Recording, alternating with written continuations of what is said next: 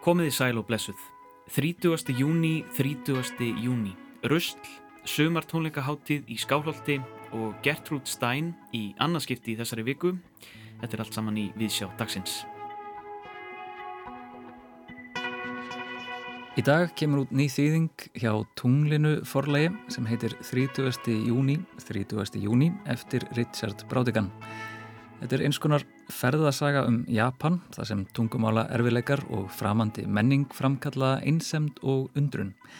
Bókin kom út árið 1978 og var síðasta ljóðabók Brádigans. Þórður Sævar Jónsson þýtti bókina og hann kemur og segir frá bókinni í viðsjá dagsins. Flökkussagan segir að hvar sem stungið er niður skoplu í hljómskálagarðinum megi finna röstl vegna þess að lengi vel var í garðinum einn helsti röstlahaugur borgarinnar. Í dag er sorpið sem þar er grafið orðið afar sérstakt rusl sem mætti jafnvel skilgrina sem fornminjar. Árið 2020 gróf Ágústa Edvald Maxwell, fornleifafræðingur, lítinn skurð í garðinum og skoðaði þessar minjar. Við sjá, tekur hann að tala í dag um ruslið í hljómskólagarðinu. Sumar tónleikaháttiðin í Skálholti hefst í kvöld og stendur til 11. júli. Í viðsjá í dag verður rætt við Ásbjörgu Jónsdóttur, annan tveggja listræna stjórnenda hátíðarinnar og Eigló Höskuldsdóttur tónskáld sem ásand haugi Tómasinni er annað tveggja staðar tónskálda í Skálholti í ár.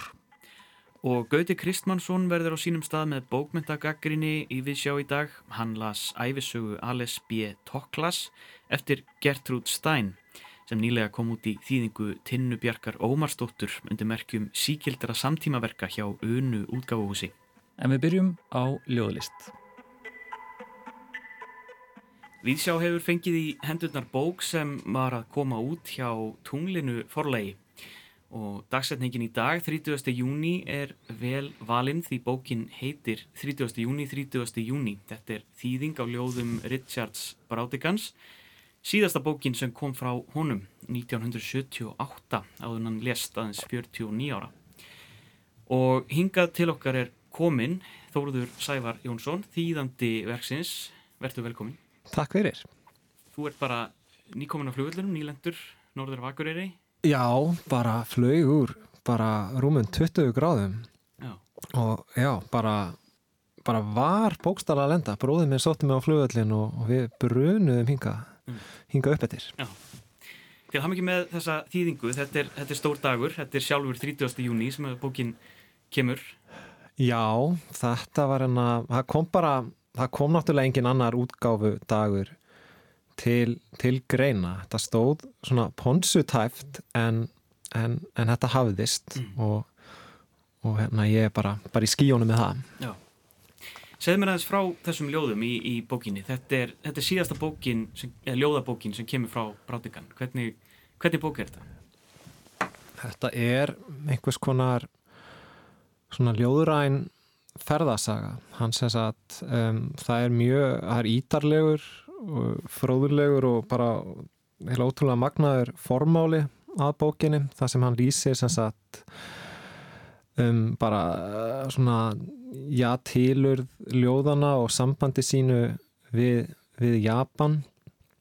Um, en sem sagt um, þetta, þetta er aldrei, löng bók, hún er rúmar 100 plassíur og öll ljóðin eru dagsett og er í tímaröð. Þannig að þetta er einhvers konar dagbók yfir það sem, á, það sem dreif á dagans í Japan, þessar sex vikur sem hann dvaldi þar. Þannig að það kennir það kennir náttúrulega ímis að grasa en, en það eru svona nokkur ábyrrandi leiðarstef um, hann er náttúrulega mjög framandi slóðum og það er margt sem kemur honum rosalega spánst fyrir sjónir. Um, miklir tungumála erfileikar, hann er mörgljóð sem bara fjallar hreinlega um það að hann á bátt með að gera sér skiljanlegan og, og hérna, heimamenn skilja hann, hann ekki og öfugt. Um einhver svona einmannatilfinning líka, hann er ofta tíðum svona eins og þorskur á, á þurru landi. En síðan er þetta bara svona glefsur og hverstagslegar svipmyndir. Hann að þetta er og hann kemur einmitt inn, inn á það í formálanum að, sagt, hann var ekkert að editera neitt sko. hann segir hreinlega að, að hérna hann bara að ljóðin séu misjöfn en hann láti þau flakka því að því að maður getur verið misjaflega vel fyrir kallaður. En, en af hverju Japan? Hvaða, hvaða tengingu hefur hann þarna í er hann bara á, á ferðalagi? Já það, hann einmitt hann, hann svaraði þessari spurningu uh, bara í, í formálunum hann sem sagt hann lýsi því að, að hérna, hann átti frænda, eldri frænda sem hétt Edvard og, og hann fjall sem sagt hann fjalli síðar í heimstyröldinni í orustu við Japani. Og, og þetta er bara, og það er eitthvað svona djúbstætt, bara hatur á Japanum er bara innrætt í hann og örgulega bara hans kynnslóð þannig síðar í heimstyröldinni þannig að hann elst upp við það að að, að bara Jap, Japanir og allt sem japansti er sé bara síðasta sort. Síðan sem sagt kemst hann til vitt svo ára og fyrir að fyrir að lesa japanskar hækur og horfa á japanska kvikmyndir og, og einhvern veginn sekkur sér alveg í þennan kultúr og, og þá einhvern veginn opnast, opnast augu hans bæði fyrir bara bara einmitt japanskri menningu og bara stríðserekstri og allir þessari geðveiki og allir þessari geðveiki í kringu stríðserekstur um, hann er hann einhver meginn hann segi og, og síðan var hann bara hann var einhver meginn ekki alveg svona bandaríkjaman snerudaldi við, einhver meginn sneru við hann bakinu en hann var alltaf í miklu metum í Fraklandi annars vegar og hins vegar í Japan þar hérna, bækunas voru þýttar og, og hlutu góða viðtökur Mm. þannig að þetta var hann sem sagt, þetta var langur aðdragandi, aðdragandi að, að þessari japansför en þetta var eitthvað sem svona kraumaði innra með honum mjög lengi Mm.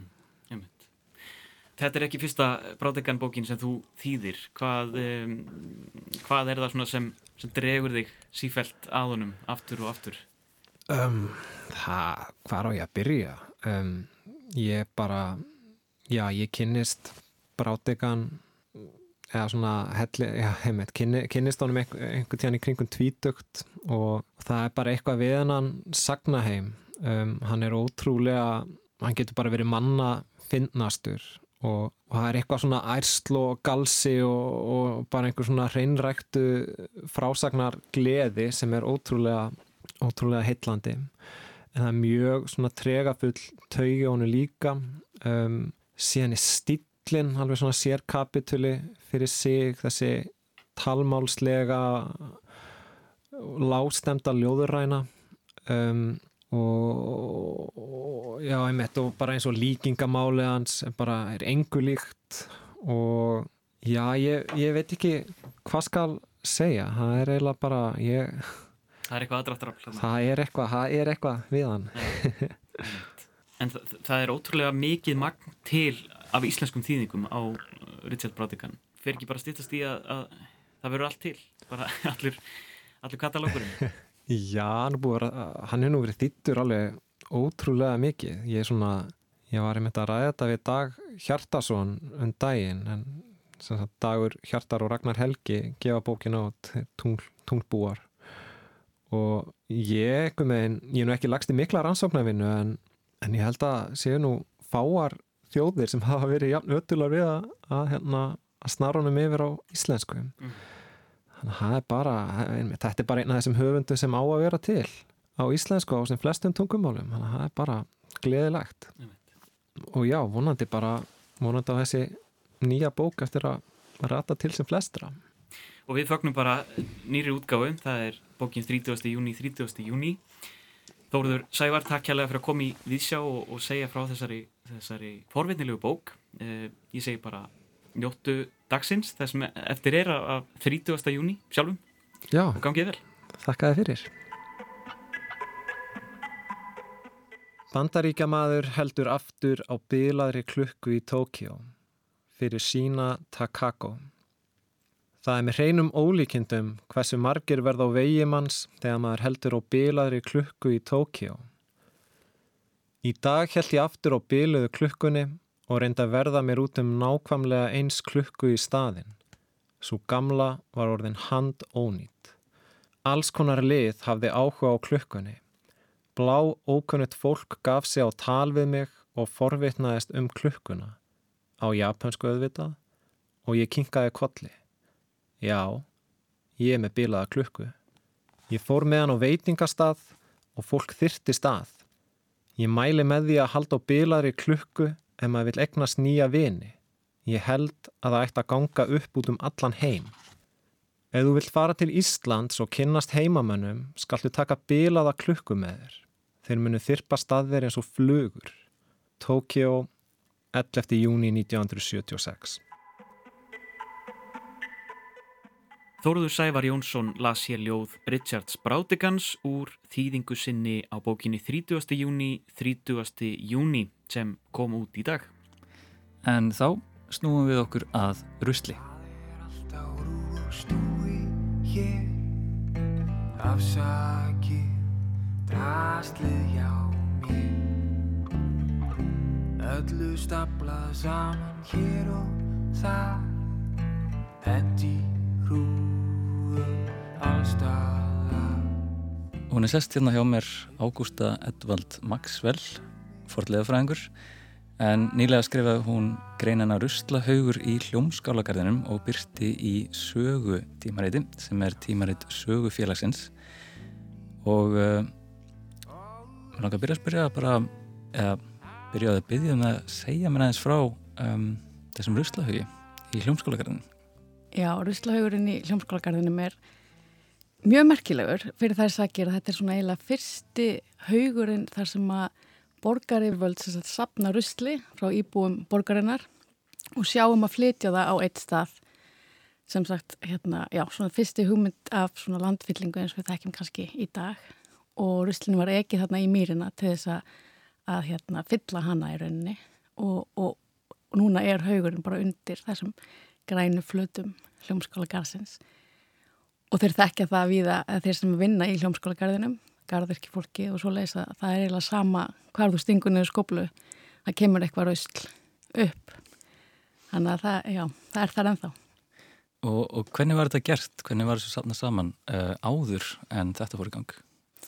Það var bara mjög misjamt við náttúrulega þekkjum að sko, svona kannski fyrir einhverja þjættbílismyndun og þá hendir fólk rauslinu sínu bara á, í hlaðvarpan og það eru þessir ösku haugar sem eru hluti af bæjarhólum bara um allt land og fórlæðifræðingar hafa löngum haft mjög mikið áhuga á og, og hérna, gert marga uppgræfti. Þetta er örgulega algengasti uppgræftar staðurinn. Ef við skoðum þá er það kannski ekki vikingaldar skálar heldur. Það eru þessar öskuhaugar, þar sem er svo miklar minjar. Og, og en svo hérna fer þetta náttúrulega að breytast þegar fólk getur ekki lengur hend kannski bara í hlaðavarpan og þá er fólk að sapta bara í sorpgrifjur, í bakgörðum. Fólk er líka bara að henda í hérna ræsi, fara með þeir í fjöru hendi tjörnina líka. Og hérna og svo svona smám saman verður þetta að einhverju vandamáli sem fólk verður kvarta yfir. Og, og þá fara borgar yfir vel að gefa út reglugerðir um hvað fólk á að gera við rösli sitt og þá að hafa sérstakar sorp kistur og, og svo svona velkist þetta svolítið um og, og það er svo hérna í rauninni frekar seint, það er ekki fyrir um sko 1919 eitthvað svo leiðis að borgar yfir vel tak að sér að sapna röslinu og þá er því flekt á þessa svona ákvæmna staði. En snemma í greininni þá skrifar þú að í tilvinnun ruslahaugar og landfyllingar nútímans eru ekki hefðbundnir minnjastæðir og maður langar að spyrja þig hvers vegna ekki? Já, það er, er góð spurning og ég held að hérna, það er eitthvað sem ég hef verið að velta svolítið fyrir mig lengi og er svo sem ekkert, eini því að, að hvenar um, rusl verður að minnjum og hvenar okkur finnst rusl verða merkilegt. Að því að sem í starfi mínu sem forðlægfræðingur þá hef ég eftir að grafið upp röstl frá landnámstímanum sem þykir bara automatist mjög merkilegt og er friðað að sjálfsög og svo eftir því sem komum nær okkar í tíma þá verður meiri svona hérna fjarlæð og okkur finnst þetta röstl ekki merkilegt og stundum beinlinis ógeðslegt og, og svo finnast þetta náttúrulega saman við aukningu og, og, og þessa hugmynd eða þess sem við vitum um, um hérna svona náttúruva og, og hvað áhrif þetta hefur á umhverfið. Þannig að ruslahaugurinn í hljómskólagarðum til dæmis er ekki skilgreindur sem minnjastæðar. Hann er náttúrulega ætti automatist að vera sko aldursfriðaður að einhverju leiti en, en er það ekki held ég. Um, þannig að þú getur gert skurð í ljómskólagarðin á þess að þurfa að hafa forðlega fræng þar yfir sko. Þannig að, að, þetta eru þetta spurningum magn og hérna og svo einhverja svona hugmyndafræðilega tengingar okkar við, við rausl. Að það sem, það sem það verður eldra því því verður okkur tamar að skilgjana sem einhvers konar minjar eða fjársjóð og, og þetta á við ekki bara um rausl heldur um allskynnsminjar. Um búsettuminjar af einsum toga eftir því sem það er koma nær okkur í tíma því minna gildi gefur við þeim. En það er að breytast. Þannig að það er eitthvað svona skil þannig að það sem að hljómskólagarðurinn er í rauninni kannski á þessum skilum þar sem að ruslir eiginlega en þá rusl en samt eiginlega að verða fortminjar það Já, það má ég lega segja það. Það sé akkurat á þessum skilum og það hérna, helgast ábyggilega einhver leiti að því frá hvaða tímabilið það er. Það er held í sengin tilviljun og þetta er sko rusl frá því um aldamótin um 1910-1920 og, og það er einmitt þessi tími sem að er núna til dæmis hérna, að verða aldursfriðaður það er hundra ára regla í, í, hérna, sest, í minni að verða á Íslandi. Þannig að það, ég held að það sé ekkert endilega tilviljun. Hann er einhvern veginn orðið nóg og gamalt. Um, en svo held ég líka að, að, að hérna, það sé að verða breytingar á sko, einhver sem við köllum til dæmis samtíma forðlega fræði og, og er, er hérna, stunduð í auknum mæli og mikið skrifað um það og og, hérna, og íslenski fórlega frængar sem hafa verið að skoða samtíma minjar líka. Þannig ég held að sé líka þessi fræðilega sagt, þróun að, sem, að, sem að hérna, veldur því að við erum svona tilbúinari að, beina sjónum okkar að nýri, nýri hlutum. Hvernig, hvernig fór gröfturinn fram í rauninni? Hva, hvað gerðu þið þannig í hljómskólagarðinu? Já, við hérna sagt grófum frekar svona lítinn skurð. Hann var hérna tveir sem tveir metra stærð Og ég var búin að hérna, lesa mér til um það að það ætti að vera röstlarna og til þess að finna besta staðin til þess að grafa þá hérna, gerði ég svona bórkjarnaransókn þar sem að, maður ítir svona litlum jarðvegsbúr og reglulega tímabilóni og dregur það upp og teiknar sniðið sem sést og reyna að finna þessi röstlalög og ákvað svo sem, sem sagt að grafa þarna sem ég gróf í, í skákinni þarna siðist og vestast. Og já, þetta var bara lítill skurður og svo eh, gröfu hvert jarðaleg fyrir sig. Og það var siktað og allir greipir hirtir og við tókum síni og ljósmyndir og teknuðum og, og allt bara eftir kunstæðarna reglu. Það voru tvær, eh, tveir nefnendur í forlæðafræði með mér, Katrín Georgsdóttir og Ardís, heitir hún, Blönda Haugsdóttir. Þær voru með mér í þessu. Og, uh, og hvað hva funduð þið? Já, við fundum ótrúlega mikið af hlutum um, með því hvað þetta væri rauninni lítilskurður og hann var líka grunnur af því það hérna vassi við borðið mjög hátt á þessum stað og, en það sem við fundum var bara mjög mikið af sagt, glærbrótum mjög mikið af plasti litlum plastögnum, sérstaklega í efri lögunum og mikið af málmbrótum og hérna dálítið að leirkerum miklu minna en finnst í eldri haugum. Og svo svona hitt á þetta vírar og ljósaperur og livjaglös og hérna fatnað eða svona tæjur af ímiskonar og svo fundum við þennan hérna tindáta, einfætta tindáta sem er mitt á fórsíðinu á, á, á sögu sem var nú kannski svona fallegasti greipurinn. Og uh, er ykkur álektanir sem að eru að draga af þessu, þessum fundi? Já, sko markmið með því að grafa í þennan ruslahaug Eh, var í sjálfu sér að sapna samanbörðarefni við gripi úr eldri ruslahögum sem hafa verið grafnur upp í kvosinni. Þannig ég er að bera í rauninni þetta efni sem er í þessum ruslahög saman við, við gripi úr hérna ruslalögum við eins og til dæmis vaktarabæin í Garastræti og aukkur sem að gerður þar sem að tjarnarbíó er og, og fleiri stöðum. Og það kannski kom ekkert sérstaklega óvart, í rauninni gæti ég svona næstu því bara sínt fram á það sem mig, mig grunaði og er að hérna, það verður breyting í samsetningu röðsins um, ekst mjög mikið gler og mjög mikið málmum og þetta eru ábyggilega fyrst og fremst umbúðir af um, matvöru og, eða já, livjum og ymsu þýliku og, hérna, og þetta alltaf helst í hendur við það sem við þekkjum og vitum um þessu auknu neyslu sem, að, sem fer í gang þarna.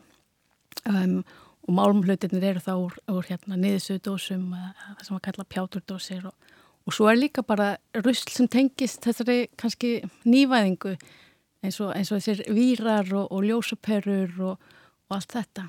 Og hérna og hlut, hlutfall leirkera til dæmi sem er þessi, aðal efnisflokkur sem við sjáum í eldri haugum það hérna, er mjög er miklu, miklu lægra. Þannig að það kom kannski ekki neitt sérstaklega óvart en ég get allavega sínt fram á það að þetta, þessi þróun sést í rauslinu þessu aukna neysla á tilbúnum matveru til dæmis.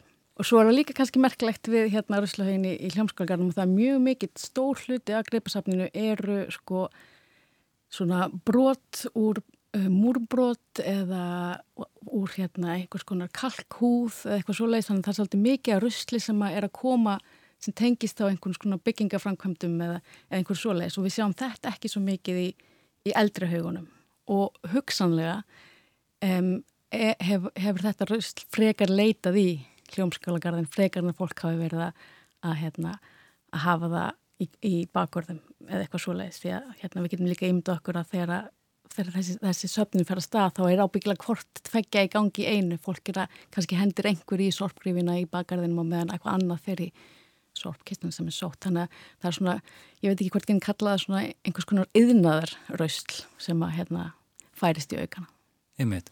og ertu með eitthvað svona gögni verða hvort að vennjur okkar, eða vennjur borgarbúa breytust eftir að eh, farið var að sapna ruslinu, heldur en þegar fólk sapnaði bara í bakarana?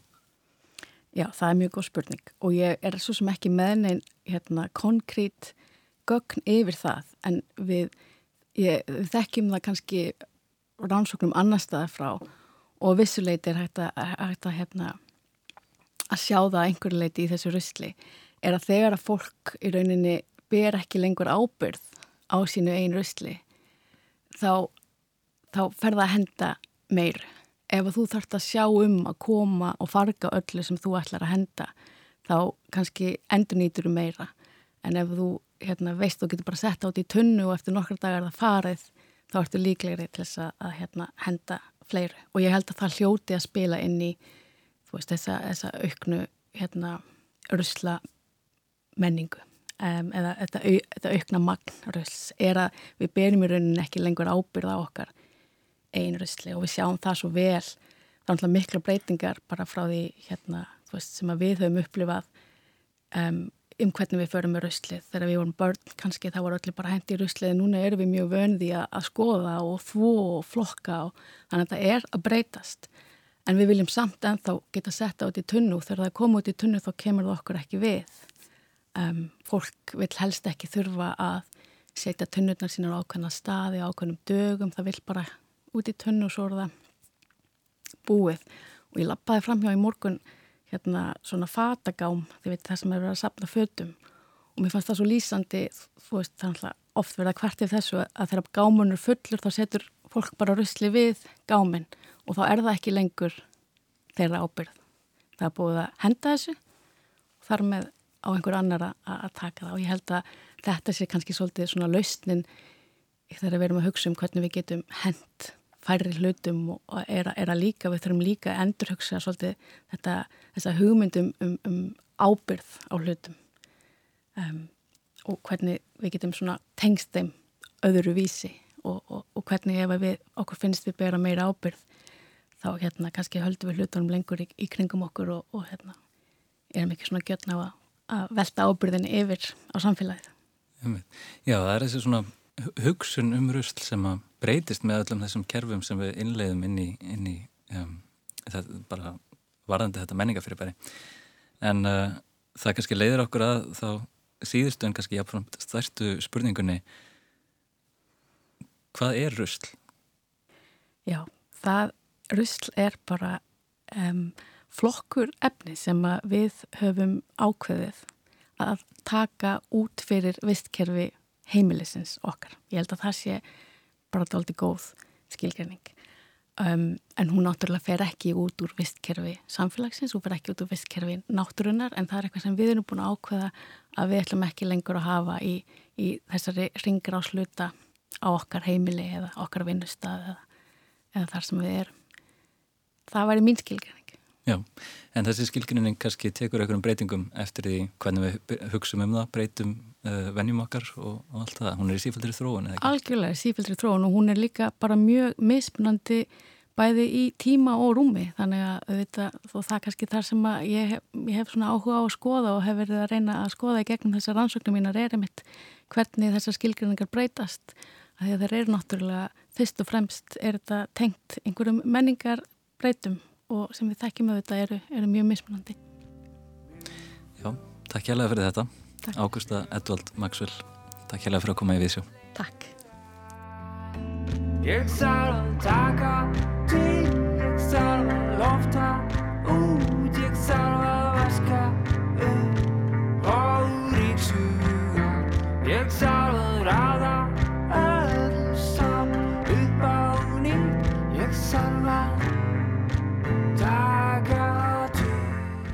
Ágústa Edvald Maxwell, forliðafræðingur, saði hér frá grefti sínum í Ruslahauði Hljómskálagarðsins En nú á dögunum byrtu hún greinum rannsókt sína í sögu tímariti sem er tímarit sögu félagsins. En frá miðborg Reykjavíkur er ferðinni heitið til Parísar. Síðla á áttunda áratugnum fór ég að sjá sænska bíómynd, gamanmynd.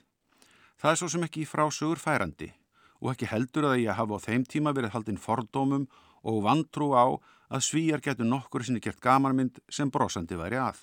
En þeim tóksta. Myndin um æfintir í Picassos er með þeim fyndnari sem ég nokkur sinni séð. Svo fyndin og eftirminnileg að ég þór ekki að horfa á hann aftur. En þótt myndin fjallaða nafninu til um málaranfræga, þá voru í henni tvær aðrar personur sem voru jafnvel enn minnistæðiri. Gertrúd Stein og lagskona hennar Alice B. Toklas. Ég sá á dögunum við lestu svo kallara sjálfsæfisögu þeirra síðanemdu að húmórin geti verið kominu þeirri bók sem nú er nýkomin út á íslensku í fyrsta sinn. Gertrúd Stein er að einhverju leiti einn af minnisvörðum mótennismans, stundum kollu móður hans. Þótt verk hennar hafi ekki náð sömu fræð og verk samtímamanna á borðið Eliot, Joyce og Woolf. Hún var samt einhvers konar miðlari hugmynda um vitundarstremi sem hún kann að hafa fengið pata af í gegnum kynni sína William James, bróður bandaríska skáldsins Henry James, sálfræðingi sem leiðbendi henni námi og gerði þau tilurinn með það sem nefnt hefur verið ósjálfráð skrif.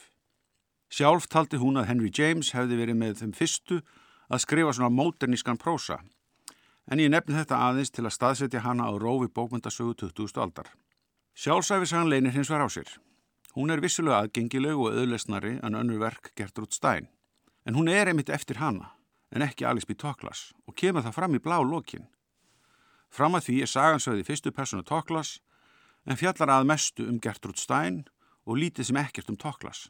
Þetta gerir lesturinn enn komískari því sagan líkur miklu lofsarð á Gertrúd Stein, ekki síst sem rithöfund og mikið rætt um skrif hennar og verkaskiptingu millir þeirra stallna við að koma verkunum út.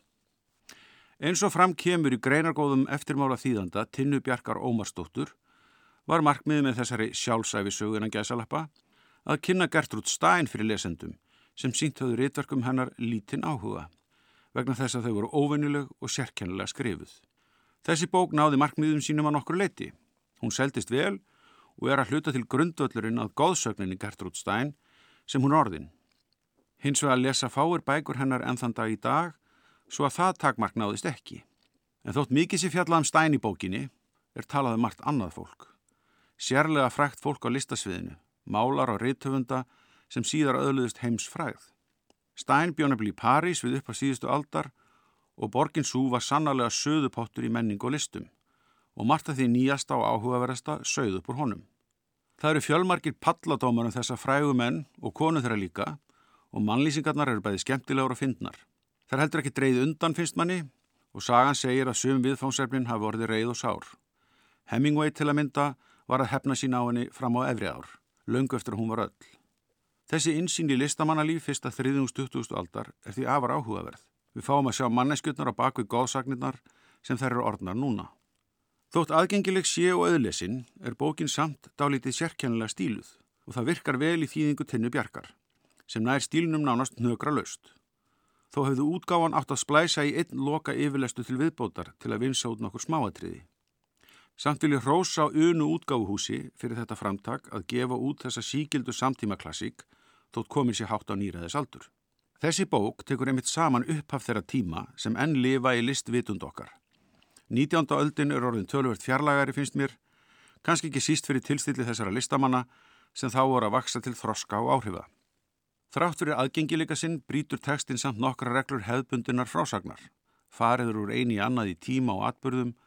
Á köplum er þetta einhvern veginn eins og Facebook-veggur, mannesku sem er dögulega að skrá færslur um menn og málefni.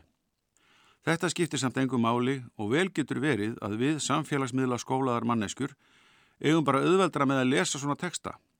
Ekki skadar að margar fæslunar fjallum fólk sem við þekkjum og lista á bókmyndasögunni. Undir liggur svo einhver óræð kýmni sem heldur lesandana föstum, þessum sem hér talar að minnstu kosti. Sess Gertrúd Stein í bókmynda á listasögunni er óræður, en hún var áræðanlega frumkvöðul, kona í Karlahemi sem talaði við þá eins og jafningja. Öllum sem vildu var ljóst að hún var í ástarsambandi við aðra konu og það var ekkert gert úr því. Hún umgest þá sem voru avantgard í listinni og var oft með þeirra fyrstu að kaupa verk eftir þá, áður en þeir eruðu frægir. Með þessari bók býr hún raunar til nýja aðferð sjálfs upphafningar. Lætur ástkonu sína segja sína eigin sjálfsæfisögu og losnar þannig undan ábyrðinni af sjálfshólinu sem gegnum sýrir tekstan. Það er þó ekki yfirdrifið, hún segir fremur söguna frá hennar sjónarhóli. Það sem Gertrúd Stein fannst um hitt og þetta, hugmyndum hennar um bókmyndasköpun og síðast en ekki síst frá skoðunum hennar á öðru fólki. Örf á dæmi. Tilvitun hefst. Apollinaire var alkunnur fyrir nísku sína og átti erfitt með að láta pening af hendi, sama hversu lág upphæðin var. Þetta var allt ákaflega hrífandi, tilvitun líkur. Fyrst nefnir hún fremur neikvægt skapgerrenginni og segir það svo vera ákaflega hrífandi. Annaðum Hemingway. Tilvitun hefst. Einu sinni þegar Hemingway skrifaði að Gertrúd Stein vissi alltaf hvað gott verið við verk Cézannes, horfið hún á hann og sagði Hemingway, ummæli eru ekki bókmentir. Tilvitun líkur. Maður getur ímynda sér hvað hennum skjallandi Hemingway hafi þótt um þetta svar. En hvað sem fólki finnst eða finnst ekki um Gertrúd Stein, þá er þessi bók kjörin til þess að komast að því hvað er á bakvið góðsögnuna um hana. Góðsögnuna sem hún bjóða einhverju liti til meðinni, góðsögn sem er svo mögnuð að hún skýtur upp kollinum áratugum síðar í sænskri gamanmynd og gerir hana að fyndna sagði Gauti Krismansson um bókina sjálfsæfisaga Alice B. Toklas eftir bandariska rítöfundin Gertrúd Stein sem kom út hjá unu útgáfuhúsi í síðustu vikum. En þá ætlum við að huga að tónleikahaldi í uppsveitum Árnessíslu og heyrum fagran söng.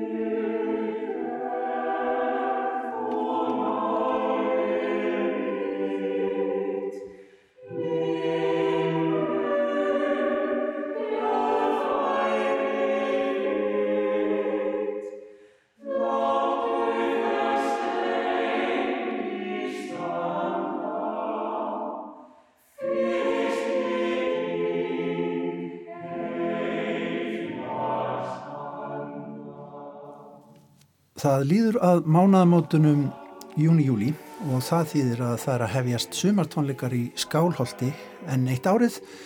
Rótgróin tónlistarháttíð á þessum sögufræga stað á Suðurlandi og yngaðkóin Ásbjörg Jónsdóttir sem er eh, listrætt stjórnandi háttíðarinnar eh, og eitt af staðartónskaldunum Eigló Höskursdóttir velkomnar í Víðsjá báða tær Takk fyrir. Ásbjörg, þú ert að hafa umsjón með þessu annað árið í röð, ekki satt Jú. uh, sumar tónleikunum. Það passar ásamt Birgit Djúbudal. Einmitt, þeir eru tvær saman í þessu. Mm -hmm. Norsk samverka konaðin sem er að mér skildist bara í sóttkví núna, er Já. leiðin inn í, inn í landið. Já, Mm. hún kom á 50 daginn og er, er í sóttvarnarhúsi. Já, þetta er bara svona þessi dagana. En, Mhm. En hérna, hvernig, bara að þú segir mér svona reynsliðina frá því að fara, vera, vera á skálhaldi í fyrra, hvernig, hvernig fannst þér að vera listrætt stjórnandi? Það var bara Þar. frábært. Það, það er eitthvað, það er svo skemmtileg stemming sem myndast þannig Mm. í skálhaldi. Heldur betur. Þetta er góðu tónleikasalur á, á sömrunu, gaman koma að það sérstaklega náttúrulega þegar veðrið er gott. Já, og það virðist ekki, við vorum allan mjög, mjög heppið með veður í fyrra og það hefur útrúlega mikið að segja, svona í góða veðrinu og, og hérna hlusta á tónleika inn í Skálhaldskirkju, það er, já, það er mjög góður hljómburður inn í kirkjunni. Já. og svo er náttúrulega þessi stemming sem mynda sko ekki bara ekki síður líka bara meðal flytjanda og, og okkar, þú veist, við erum þarna dveljum þarna sjálfar listarhaldstjórnundur og frangundastjórar og hérna erum bara þannig í sömbústað og, og erum bara svona með tónlistafólkinu, kynast þeim og bara bótið góða stemmingu Já. innan all, alls hópsins og, og margir flytjandi kannski gista veist, frá, frá einni nóttu upp upp í viku sko, eru það bara í skálalti að æfa í kirkunni og inn í, í ottstofu og svona. Það skapast svona andakt yfir verkefninu. Já, og hvernig, já, fólk er eitthvað svona að, gefa sér tíma sko. Það skiptir svolítið miklu máli fyrst mér að, að prófa að æfa í tónleikasalunum í svona, svona veist, og vera bara á svona stað og einhvern veginn bara, já, koma sér almennilega inn í verkefnið sko sem kannski gerist ekkit endilega oft svona einhvern veginn í hraða samfélagsins í dag sko, þá er maður einhvern veginn bara allir að æfi sér ykkur læg og svo koma saman bara daginn fyrir tónleika eða eitthvað og bara eitthvað, þú veist, það er svona öðru sér stemming sko. Það myndast svona einhvern veginn, einhver ró yfir öllu og, og góð stemming. Sko, við heyrðum þannig að faran söng Kantok Ensemble að syngja Jón Nordal. Eh, sko, þetta eru listamenn sem verða þarna aftur núna. Já, Kantokarsambul verður á sunnudaginn með tvennatónleika. Með, með sagt, verkefni sem átti að fara fram í fyrra Já. eh, en þau gerðu bara eitthvað annað í fyrra í staðina því að þau gátt ekki tekið á móti þessum hópum sem voru að koma þannig frá eh, Danmörku, Svíþjóð og Finnlandi. Það eru svona tvær barokksveitir sem er að koma þaðan. Mm -hmm.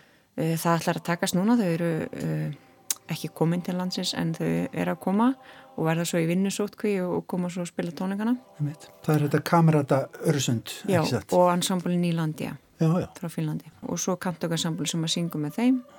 Og þetta er svona dasgraf sem þeir eru búin að setja saman svona um, barokk tónlist og síðan uh, svona uh, eitthvað himnatíu uh, himnatíu sagra held ég að. Handritinu, Og já, gamla og, og svo er nýtt verk eftir Huga Guðmunds sem að þau flytja sem var sérstaklega sami fyrir þetta tilöfni fyrir þessa hópa þrjá. Þannig að það verður á, á sunnudagin já. Þetta er alltaf þessi blanda gamalla tónlistar og nýrar ekki satt, það er áherslan hjá já, okkur. Já. og svona við höfum kannski aðeins uh, reynda endur skilgreina fókusinn svona uh, þetta, já, þetta hefur verið þætt kannski líka já, fyrir barokkið en við höfum svona haft það eins og opnar því það hefur eiginlega verið opnara uh, þó að það kannski ekki verið skilgreint þannig en þá höfum við skilgreint það sem bara uh, tónlist fyrir alda Já. Og svo, og svo Svolítið nýtónlist já, svolítið opið en, hérna, en það er alltaf eitthvað barokk það það, það verður að vera Já. eitthvað og það er nú líka ástæði fyrir því Helga Ingolstóttir og Já. hennar, hennar framlagi gegn árin Algjörlega. þannig á þessum stað Já, og, og bara, og náttúrulega hún, hún er stopnandinn og, og, Mhm. og svo leiðis þannig að já, það bara fylgir, sko, Algjörlega. en það er svona, þú veist, gaman samt einhvern veginn að hafa þetta aðeins opnara upp á að bjóða einhvern veginn fleiri, þú veist, hópum að koma Já. sem er að vinna með aðra gamla tónlist eins og eitthvað svona þjóðlega Mhm. blöndu, sko, svo leiðis, eins og, eins og Káta kollektiv Já. var með í fyrra það voru að flytja þorlókstíðir, svona sínar eigin útsendingar á þorlókstíðum og það er alltaf að flytja brot úr þessu aftur á opnunartónlingunum uh, þar sem að þær eru líka flytja strengja kvarteta eftir staðatónskáldin. Þannig að þau flytja sérst tvo strengja kvarteta og blanda svo sínum útsendingum á þorlókstíðum svona inn á milli. Já, já. þannig að þar mætist þetta bara alveg gömul og nýtónlist á þessum tónlingum sko. Stál í stál. Nei, stál nei, hvert kannski. En við skulum með mitt huga að já, nýri tónlist, fáum smá tóna hérna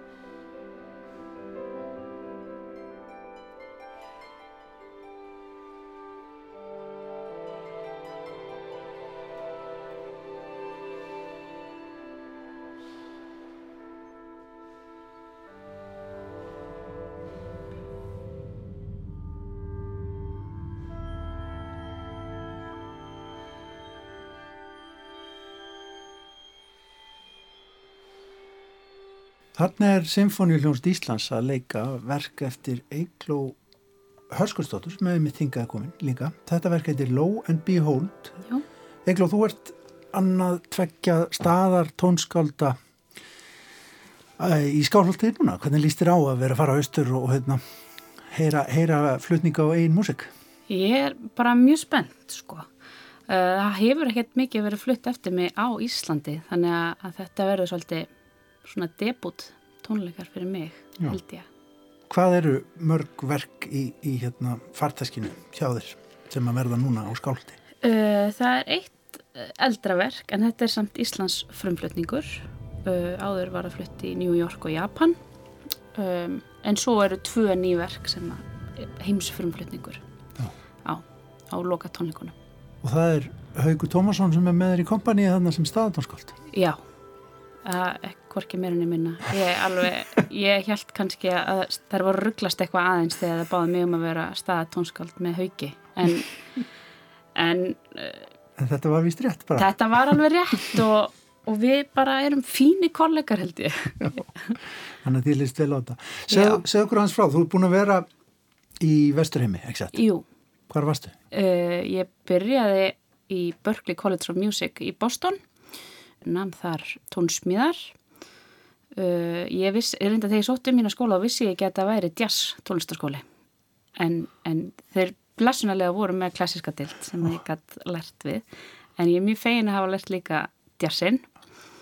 Og svo fór ég í mastersnám í New York University, já í New York. Og það, hvernig hérna, fannst þér að vera í ameríska kerfinu?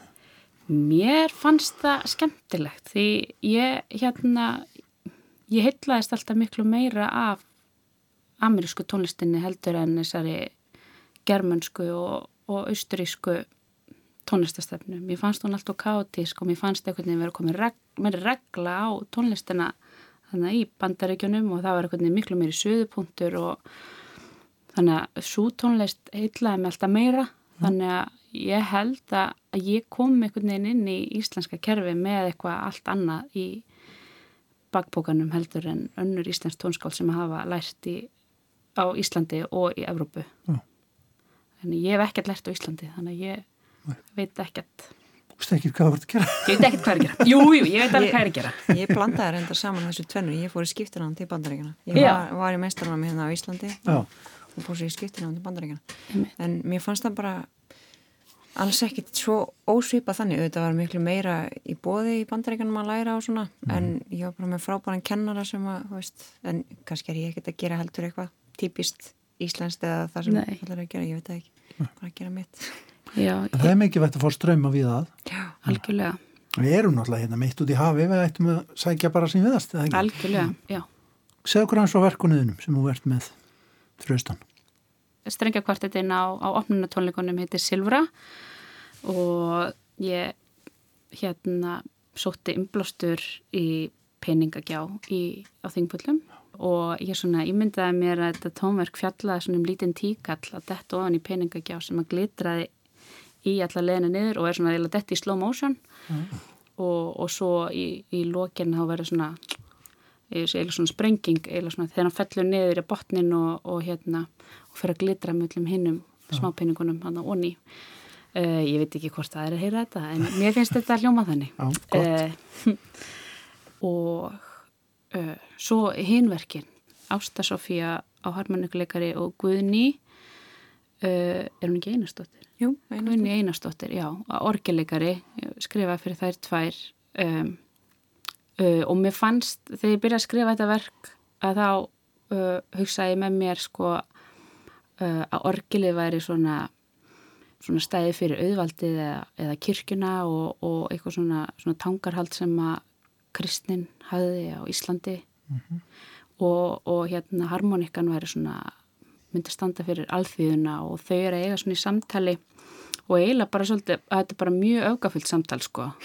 Ég hérna útsetti hérna uh, Sálm 122 minni mig hérna fyrir sagt, bæði hljóðfærin og svo allt í einu brotna samtalið upp og, og hérna og harmonikan tekur yfir í einhverjum léttum polka og orgelirinn er að fylgja en, en er að mistakast helling og, og maður er svona spurning hvort það sé að mistakast eða hvort það sé að gera grín en svo þetta er aftur í sálminn og svo aftur í innan polka og svo saminast það hann í lokum eitthvað næri þetta að, að svona tvinnast saman alveg í lokin mm. og þau verða vinnir. Allt er gott sem enda vel. Uh -huh. Og hérna svo tónverki fyrir Dú og Freyja, það eru þær hérna, Svafa Bernhards og vjóluleikari og dóttirinnar, hvað heitur hún eftir? Rannveig Marta. Rannveig Marta, já. Mm.